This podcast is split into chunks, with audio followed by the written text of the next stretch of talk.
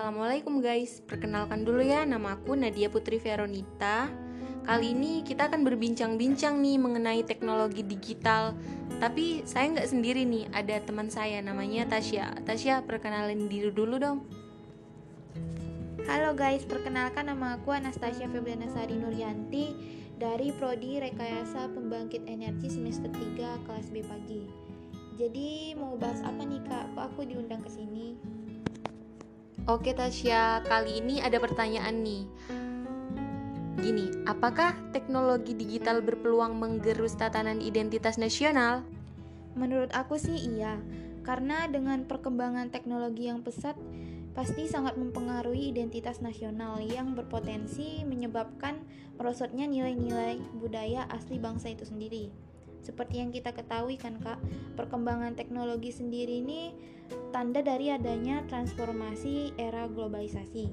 Era globalisasi ini khususnya dalam perkembangan teknologi cukup banyak ya merubah tatanan masyarakat. Contohnya dengan adanya digitalisasi. Dulu handphone yang hanya bisa mengirim pesan suara, kini sudah di-upgrade sedemikian rupa menjadi smartphone. Yang mana smartphone ini adalah ponsel pintar e, dari jangkauan jauh pun kita dapat mengakses informasi bahkan eh, perusahaan-perusahaan itu e, apa ya berlomba-lomba mengembangkan aplikasi untuk komunikasi jarak jauh gitu jadi gitu aja sih kak menurut aku Iya nih, setuju banget nih Syah. Era globalisasi ini emang sebenarnya sangat amat mengubah identitas bangsa kita ya. Tapi menurut aku juga pasti ada dampaknya kan Syah. Menurut kamu sendiri dampaknya tuh apa nih bagi bangsa kita? Iya bener banget nih Nat. Jadi dampaknya itu ada dua yaitu dampak positif dan dampak negatif. Nah untuk dampak positifnya yang pertama itu pasti memudahkan kita untuk mencari informasi apa pun, terutama melalui internet. Gak usah jauh-jauh lah, contohnya seperti info COVID-19 ini kita hanya mengakses aplikasi peduli lindungi aja. Peduli lindungi maaf.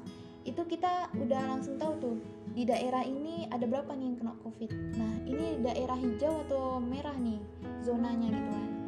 Lalu yang kedua itu kita bisa menghemat waktu bisa dilakukan di mana pun dan kapan pun. Seperti contohnya itu e, seperti saat kita mau mentransfer uang. Kita hanya melakukan melalui m-banking saja. Kan kita tidak perlu langsung ke banknya. Jadi cukup menghemat waktu ya.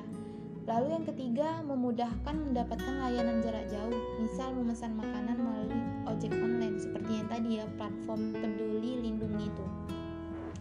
Lalu dampak negatifnya eh, budaya luar yang mulai menjadi tren Indonesia terutama di kalangan generasi muda seperti ada tuh platform platform yang dari Cina itu ya itu pokoknya kan banyak banget tuh di situ uh, budaya-budaya dari luar masuk.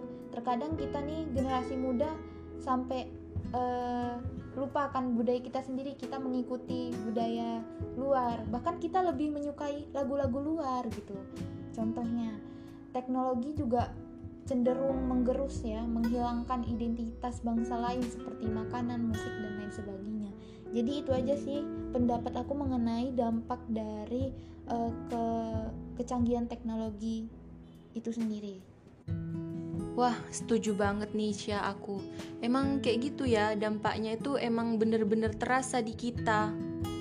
Jadi kesimpulannya gimana nih mengenai apa yang bisa kita lakukan sebagai generasi muda kan untuk memperbaiki tatanan identitas nasional?